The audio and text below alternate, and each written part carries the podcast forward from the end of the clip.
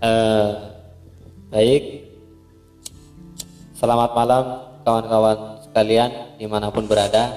Hari ini kita di acara perdana webinar podcast ya. Jadi ini sama ada di Zoom, kemudian ada di live Instagram. Eh, ini adalah program khusus yang disajikan oleh Yayasan Bekawankan. Ya, di sini saya sendiri yang membawai acara ini sebenarnya bukan saya seharusnya ya ada teman-teman yang harusnya ada di posisi saya saat ini Iya. Eh, kebetulan karena ada halangan jadi tidak bisa mendampingi mas yang ganteng ini sebenarnya ada mbak-mbak yang seharusnya yang cantik lah yang mendampingi mas ini kan Mbak siapa kemarin? Mbak Putri Mani ya? Nah, Mbak Putri Manik sebagai koordinator pengembangan SDM yayasan kita.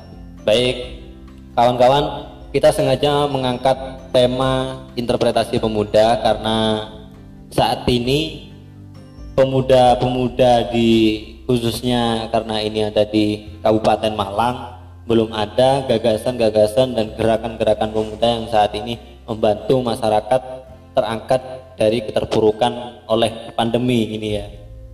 Oke langsung saja saya akan menanyakan ya perihal interpretasi pemuda ini karena eh, sebelumnya perkenalkan dulu ya ini dengan Mas Ivan Cahyo. Mas Ivan Cahyo ini orang yang paling ganteng satu kabupaten Malang ya Amin amin amin. dan beliau ini juga ketua KNPI termuda untuk saat ini ya Untuk saat ini. untuk saat ini. Lah harapannya kawan-kawan juga nanti bisa mengikuti jejak beliau. Karena itulah kita mengundang beliau ke podcast kita karena begitu menginspirasinya gerakan-gerakan Kakanda Ivan ini ya. Bang Ivan, Siap Mas Hasan? saat ini Bang Ivan kesibukannya apa, Bang? Untuk keseharian untuk eh, ini ya di samping mengajar itu karena kalau mengajar itu suatu kewajiban itu jangan dimaknai sebagai suatu pekerjaan tapi kalau kesibukan sehari-hari saya yaitu saya bergerak dalam suatu kelompok yang saya dirikan sendiri yaitu Forum Tani Milenial di mana eh, Forum Tani Milenial ini kita memproduksi atau membudidaya suatu eh, bahan-bahan rempah, tanaman rempah herbal itu yang mana dengan metode-metode yang belum ada di eh, pertanian-pertanian yang katakanlah dari tradisi. Nah, Luar biasa berarti ya. Iya. Tepuk tangan untuk Mas Ivan semuanya. Dan alhamdulillah untuk forum tani milenial yang saya dirikan itu alhamdulillah untuk anggota sudah banyak mas. Jadi dulu itu saya sempat diejek oleh tetangga-tetangga lah. Intinya diremehkan. Nah, buat apa sih buat kayak gitu pekerjaan? Kenapa enggak oh enggak langsung di tanah saja? Nah itu.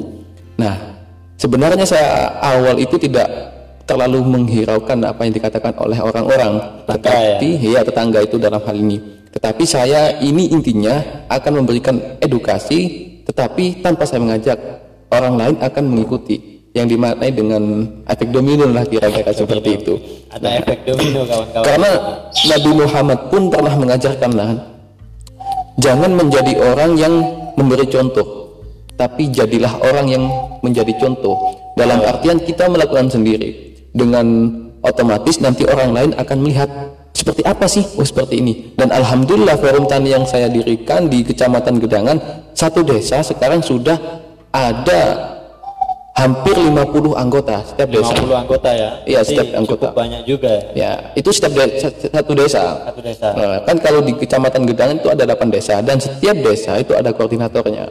Siap-siap. Kak Sido Dadi, Gini, Mas Ivan, ini ya dengan forum tani milenialnya, apa sih yang sudah dilakukan saat ini terhadap eh, ya kontribusinya lah terhadap masyarakat di Kecamatan Gedangan khususnya Iya, iya. iya. dari apa namanya forum tani milenial ini. Ya. Jadi memang karena kita ini bergerak dalam lingkungan anak muda, anak-anak muda itu jadi kita bergeraknya dalam eh, pengangkatan perekonomian anak muda. Jadi memang pada awalnya itu banyak anak-anak muda teman-teman saya yang apa ya kata kasarannya itu tidak memiliki suatu pekerjaan yang tetap. Nah, jadi saya mengajak itu. Awalnya iseng-iseng sih. awalnya iseng-iseng tapi alhamdulillah karena keisengan itu banyak sekarang kawan-kawan saya yang sudah apa ya mandiri lah katakan seperti itu dalam perekonomiannya sudah sedikit naik nah jadi dalam forum tani ini forum tani milenial ini memang khusus untuk pemuda untuk ah, saat ini untuk saat ini masih untuk Jadi pemuda kalau golongan tua gak boleh ikut berarti ya. nanti itu masuknya yang ah, ini forum tani kolonial Oh, golongan tani koloni. Iya. Jadi kan seperti ini. Dalam forum tani saya itu ada yang fokus dalam pembibitan, ada yang fokus dalam pembesaran, dan juga ada yang fokus untuk dalam produksi. Nah, sekarang yang ingin saya kembangkan karena yang pembibitan, pembesaran, dan untuk dijualnya itu sudah jalan, yang ingin saya fokuskan sekarang untuk diproduksi sendiri. Hasil dari tanaman yang dikelola oleh kawan-kawan itu diproduksi sendiri. Nantinya kita tidak bingung untuk mendistribusikan hasil panennya kita ke mana. Nah nanti akan terjadi perputaran di situ. Ada siklus yang terjadi di situ. Nah itu target besarnya. Karena nanti eh, harapannya di kecamatan saya ini kecamatan Gedangan harapan kan ya harapan bo- boleh saja Boleh, boleh berharap. Ber- bo- boleh jangan berharap. berharap. Iya Nanti sakit. bisa menjadi ini apa namanya itu percontohan percontohan lah Percontohan. Eh, percontohan Daerah-daerah lain. daerah-daerah lain Nah, karena ini ada sudah ada kunci ya bukaan dari Mas Cahyo ini bila ada teman-teman yang mau mengikuti jejak beliau silakan menghubungi kontak di bawah ini ya. Kontak di bawah nggak tahu Itu- tapi kontaknya nggak ada. adalah nanti. Nah nanti tak kirim eh, WA-nya ya nanti. Siapa tahu banyak. Ini kayaknya kalau saya melihat beberapa bulan terakhir ini banyak di Facebook dan juga Instagramnya Kanda ini banyak pengagum-pengagum fannya ini cewek-cewek semua ini. Ya nggak selalu cewek. lah. Oh enggak selalu Nggak cewek. selalu Berarti cewek. janda juga ada ya? Ada. Temen laki-laki juga ada. Selain daripada forum tani milenial ini Mas Cahyo eh, apa saja yang Mas Cahyo lakukan di gedangan ini?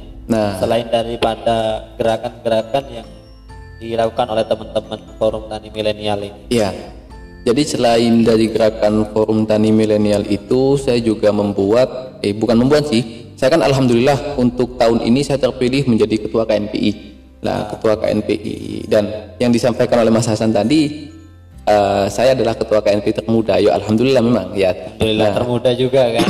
Jadi dari forum itu dari apa namanya KNPI ini saya juga mengkolaborasikan intinya aktif dalam berbagai organisasi kepemudaan. Saya dulu pernah aktif di IPNU PAC Gedangan. Pada tahun 2017 saya terpilih menjadi ketua dan demisioner. Dan untuk tahun 2021 ini alhamdulillah saya terpilih menjadi ketua KNPI. Intinya saya aktif di berbagai macam eh, gerakan-gerakan termasuk organisasi kepemudaan. Dan alhamdulillah tahun ini saya di terpilih pada ini KNPI KNPI kecamatan dan alhamdulillah berarti semua itu butuh proses ya ya butuh proses memang tidak Jadi instan enggak instan lah. Jadi Iya. generasi sekarang ini adalah generasi generasi mie instan ya. Hmm. Generasi yang di mana tidak melalui proses dia inginnya langsung di, Iya. Nah untuk Mas Cahyo sendiri ini sekarang statusnya mahasiswa udah lulus atau nggak kuliah?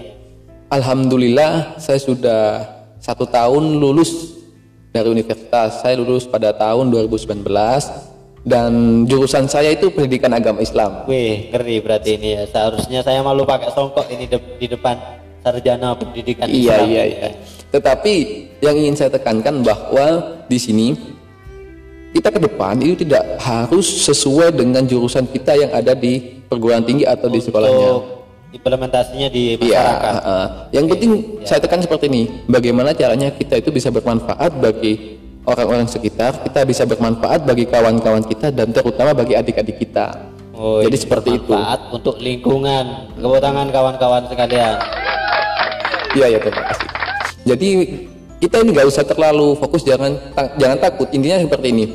Nanti saya kuliah, nanti saya kerja apa, nanti saya di sini, nanti saya dapat income apa. Jangan berpikir seperti itu. Lah kan yang menjadi dilematis sekarang bahwa hari ini kita sebagai seorang pemuda ingin mendapatkan sesuatu tetapi lupa menikmati prosesnya. Ah, betul. Nah, tetapi hanya berorientasi terlalu fokus pa- pada ini apa namanya itu tujuannya.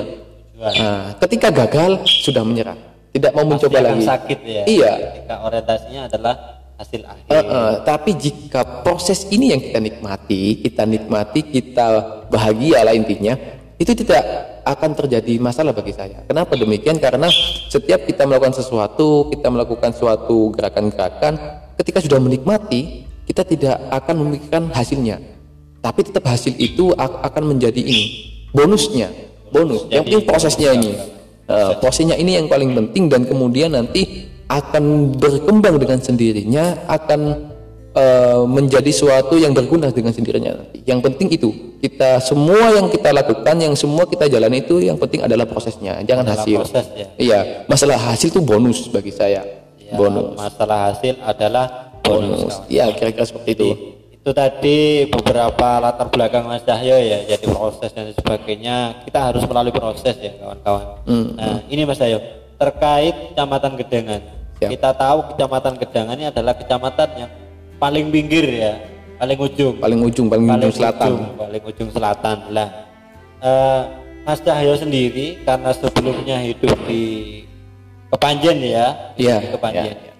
hal apa yang kiranya ketika Mas Cahyo kembali di Gedangan itu mengalami kesulitan Hmm. atau eh, bagaimana ketika harus melakukan sesuatu Hmm, kira-kira apa Cahyo? Nah, jadi seperti ini ya. Jadi saya itu setelah lulus dari per- apa namanya SMA, pada waktu itu saya MA sih. MA saya lima tahun menetap di Kepanjen dan otomatis kan saya akan merasa asing di lingkungan sendiri.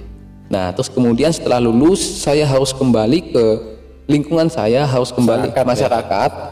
Nah, itu memang terjadi kesulitan apa? Kita harus memulai dari nol. Dalam artian kan kita harus mencari celahnya, mencari apa yang ada di situ, kemudian kultur masyarakatnya seperti apa, kita harus menyesuaikan. Kira-kira seperti itu. ya. Ya, tetap itu pasti ada kendala, tetap pasti ada kendala. Tetapi jangan lupa, meskipun awalnya sulit, tapi kita harus ini namanya apa namanya itu melakukan pendekatan secara perlahan, perlahan, melakukan pendekatan secara perlahan. Nah, kalau berbicara terkait desa Gedangan, eh kecamatan Gedangan ya, mohon maaf karena saya melihat sana itu desa ya, mohon maaf ya. ya memang desa. Oh memang desa. Ya, ya. Ini nuansa desa itu harus diangkat. Eh, untuk potensi-potensi di kecamatan Gedangan sendiri apa saja mas saya? Ah iya ini. Sebenarnya kalau membicarakan potensi sumber daya alam di Gedangan sangat melimpah, sangat melimpah. Tetapi apa ya namanya dari kawan-kawan sendiri bagi terus bagi untuk masyarakatnya masih belum ini masih belum bisa bergerak bersama. nah, tetapi kalau membicarakan potensi di sana itu apa namanya yang paling potensi adalah ekowisata ekowisata dan itu yang saya proses juga sekarang. Nah, mohon maaf saya ini bocoran juga. Saya juga bergerak mau dari ini milenial utas Kortam Gedangan kira-kira seperti itu. Dan di sini juga saya menggarap atau memproses yang namanya itu kayak oleh-oleh khas Malang Selatan dan juga eh, apa namanya memproses terkait tentang pa- pariwisata. Nah, di situ banyak sekali kayak ada gua coban, terus kemudian ada gua emas, gua jenggot, terus ada wisata susur sungai. Itu yang harus kita ketahui potensi-potensinya terlebih dahulu. Intinya kita ini geografisnya, geografisnya itu harus kita ketahui. Nah, potensi-potensinya di situ.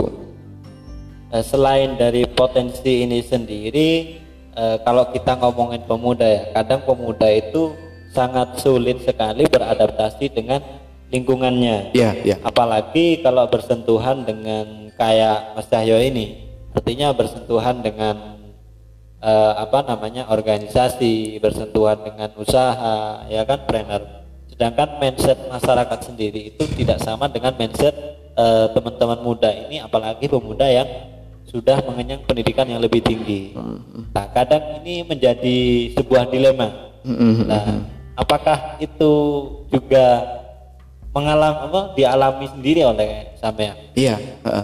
Nah, caranya sendiri untuk melawan itu atau segera bangkit dari eh, keterpurukan itu ya kasarnya. Kita mau bergerak ke sana nggak bisa, ke sini nggak bisa, mau balik lagi ke kota juga bukan lingkungan kita kan. Akhirnya kan banyak teman-teman yang nganggur kan gitu Iya, biasanya. iya. Itu yang menjadi keresahan juga sih ketika kita, atau teman-teman yang mengenyam pendidikan lebih lanjut kemudian pulang merasa asing sulit mendapatkan pekerjaan dia kembali ke kota itu memang banyak terjadi nah tetapi ketika kita bisa peka atau kita bisa menganalisis sejauh mana potensi yang ada di desa-desa kita di daerah kita itu sangat luar biasa. Memang awalnya ketika intinya seperti ini. Ketika kita menghadapi orang baru ketika kita menghadapi masyarakat ya kita harus ambil bawahnya. Ya. Eh, kalau bahasa Jawa itu ni sore. Nah tipe isore dipek sore. Intinya jangan sampai kita itu mau kasarannya itu sok pinter nah jangan jangan. Itu akan fatal kalau kita di kultur pedesaan. Soan ya kan? Iya, dia itu fatal. tinggi tahu teorinya dan sebagainya itu ya. Ya itu akan fatal.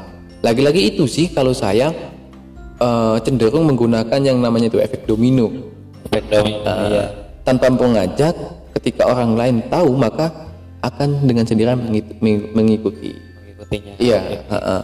Eh, terlepas dari itu semua karena ini masih muda ya.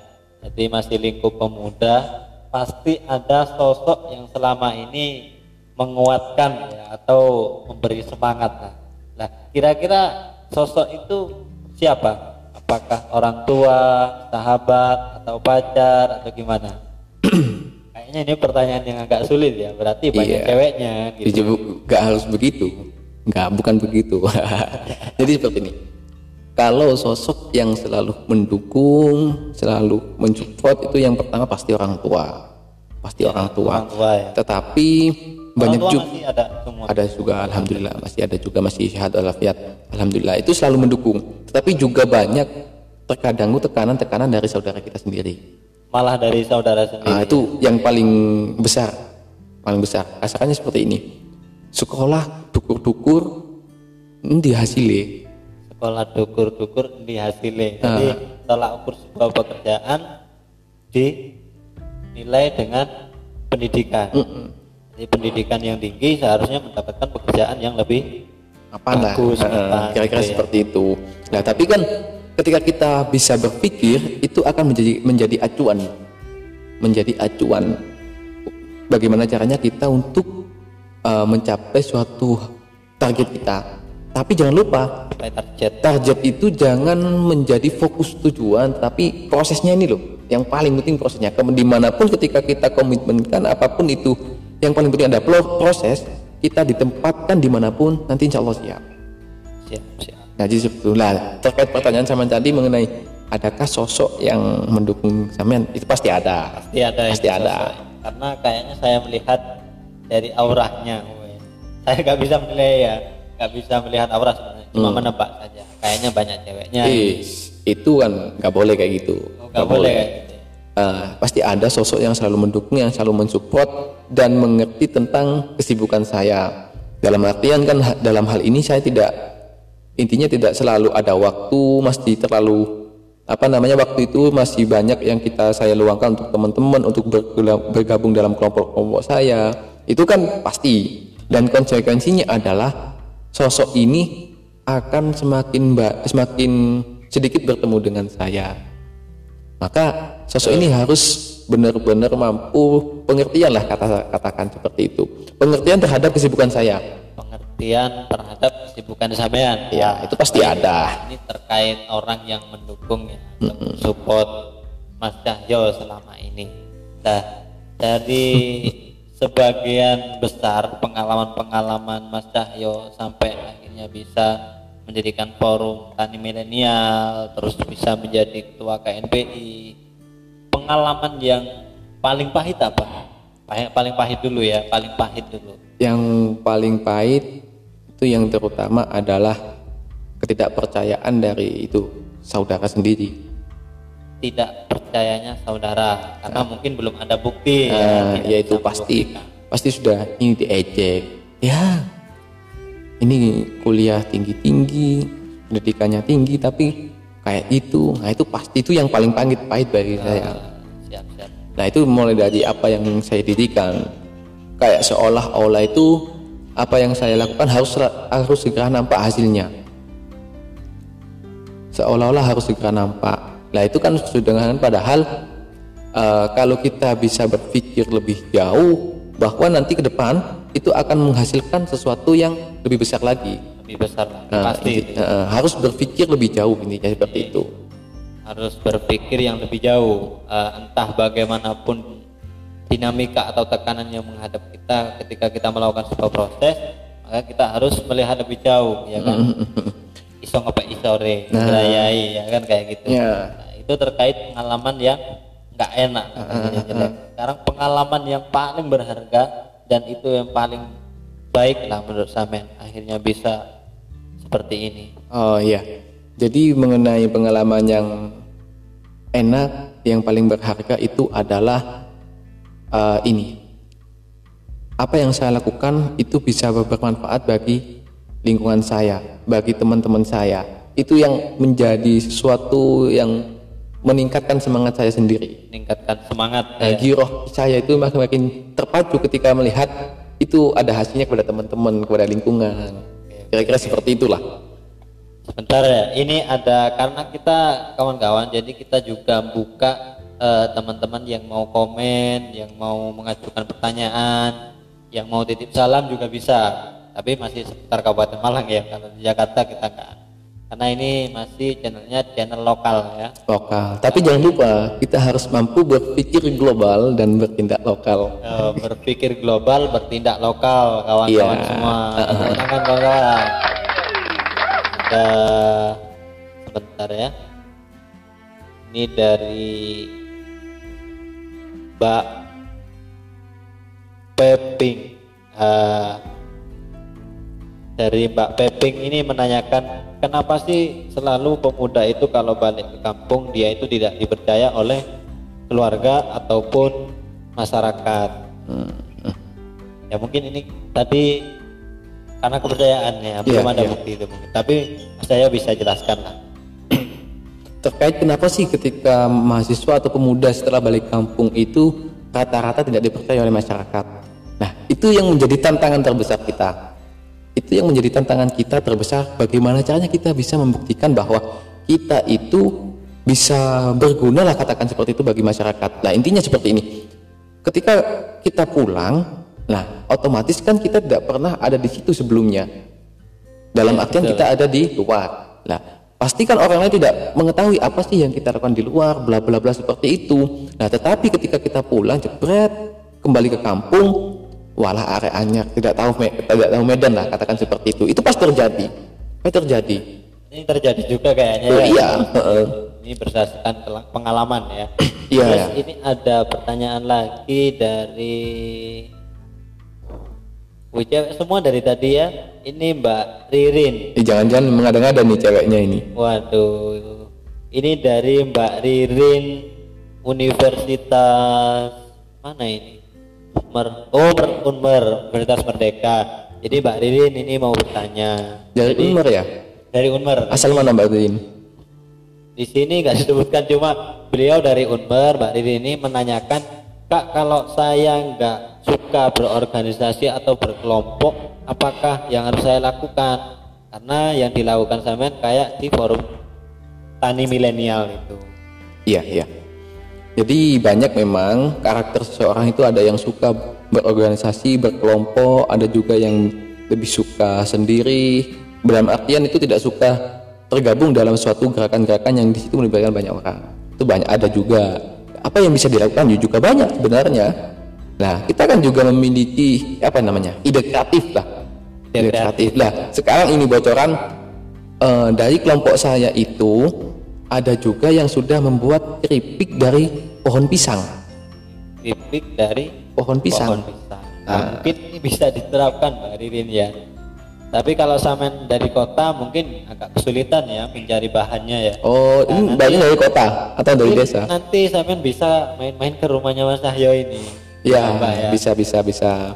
Jadi banyaklah hal yang bisa dilakukan. Intinya kita harus bisa berpikir ke depan dan jangan sampai kita itu ini pesimis, terkait apa yang kita lakukan. Tidak ada intinya itu tidak ada yang instan, tidak ada yang hanya apa ya sesuatu yang kita lakukan harus langsung berhasil. Itu tidak ada ceritanya. Dari pengalaman saya pri- pribadi itu Ih, bukan hanya satu kali, dua kali atau tiga kali itu tidak dipercaya orang dan juga apa yang saya lakukan itu gagal. Tidak dipercaya orang ya. Iya. Nah, ini terkait eh, apa yang dilakukan seorang pemuda Mas Cahyo. Iya, siap siap. Biasanya pemuda itu kalau melakukan sesuatu orientasinya adalah bagaimana dia bahagia. Nah, Iya. Kebahagiaan ini ada bahagia secara finansial, Heeh. ada ba- bahagia secara psikologi. Artinya apa? Dia melakukan sesuatu yang dia memang suka tanpa di situ ada finansial, Iya. dia tetap bahagia. Nah, kira-kira Mas Cahyo untuk saat ini kan melakukan sesuatu hal ya.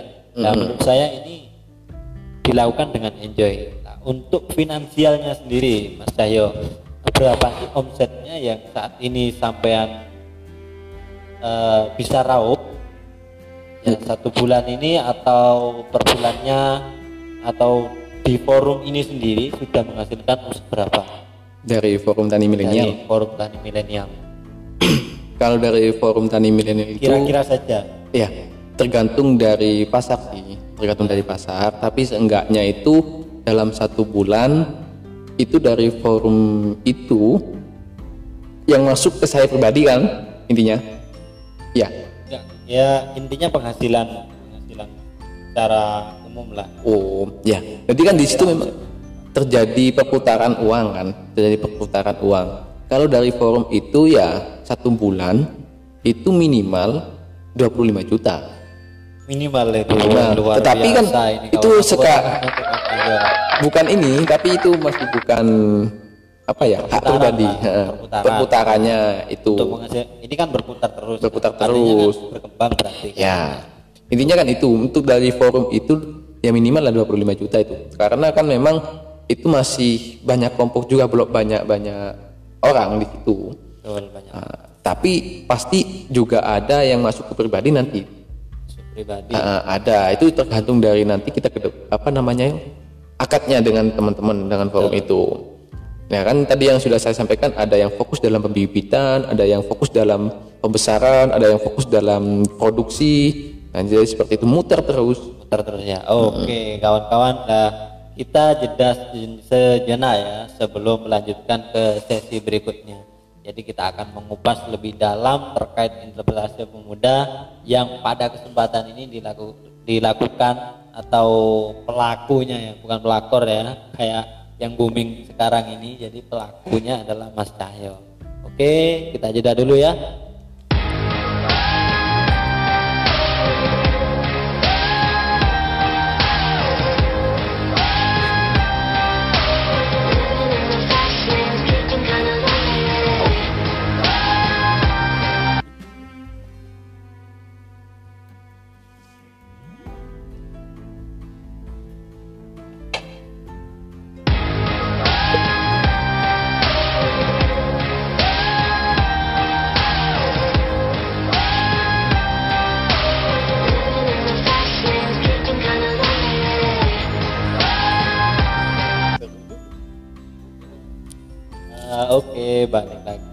Jedanya sedikit-sedikit saja yang penting. Sebenarnya saya tadi mau merokok ya, karena ini keburu narasumber kita ini mau pulang kayaknya mau mengontrol di gedangan takut rubuh gedangan ya. Iya iya iya iya. iya. Nah ini pertanyaan terakhir ini Mas Cahyo.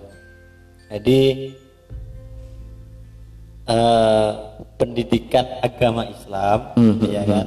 Karena ini kita ngomongin interpretasi yang muda dengan eh, fokus di kita, kita juga ada Mas Cahyo. Jadi pengembangan sumber daya manusia itu juga ada. SDM-nya. SDM-nya itu juga ada. Kebetulan koordinatornya Mbak Putri sebenarnya.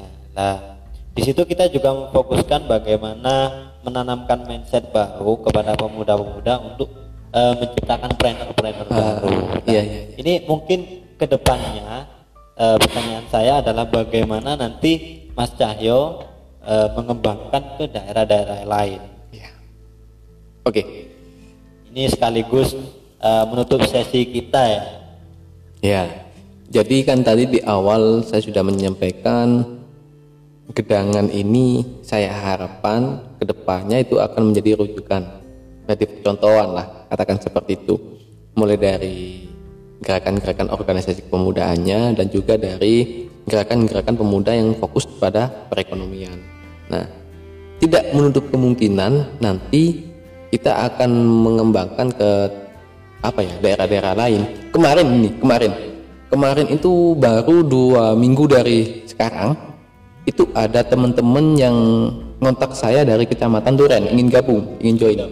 Duren terus dari Japung, Japung, Malang Utara. Malang Utara. Iya. Pojok musuh pojok ya. Iya, pojok Sama musuh pojok. Nah kemarin ada yang ngomong, Mas gimana caranya kita gabung? Gitu. Mas, saya ingin nanam ini mas, tapi saya gabung di kelompok samian. Monggo mbak, intinya kita terbuka. Siapa pun yang pengen gabung, siapa pun yang ingin kita usaha bareng-bareng, ya kita welcome. Kita welcome. Intinya seperti ini, satu quotes dari saya. Satu quotes dari saya. Lebih baik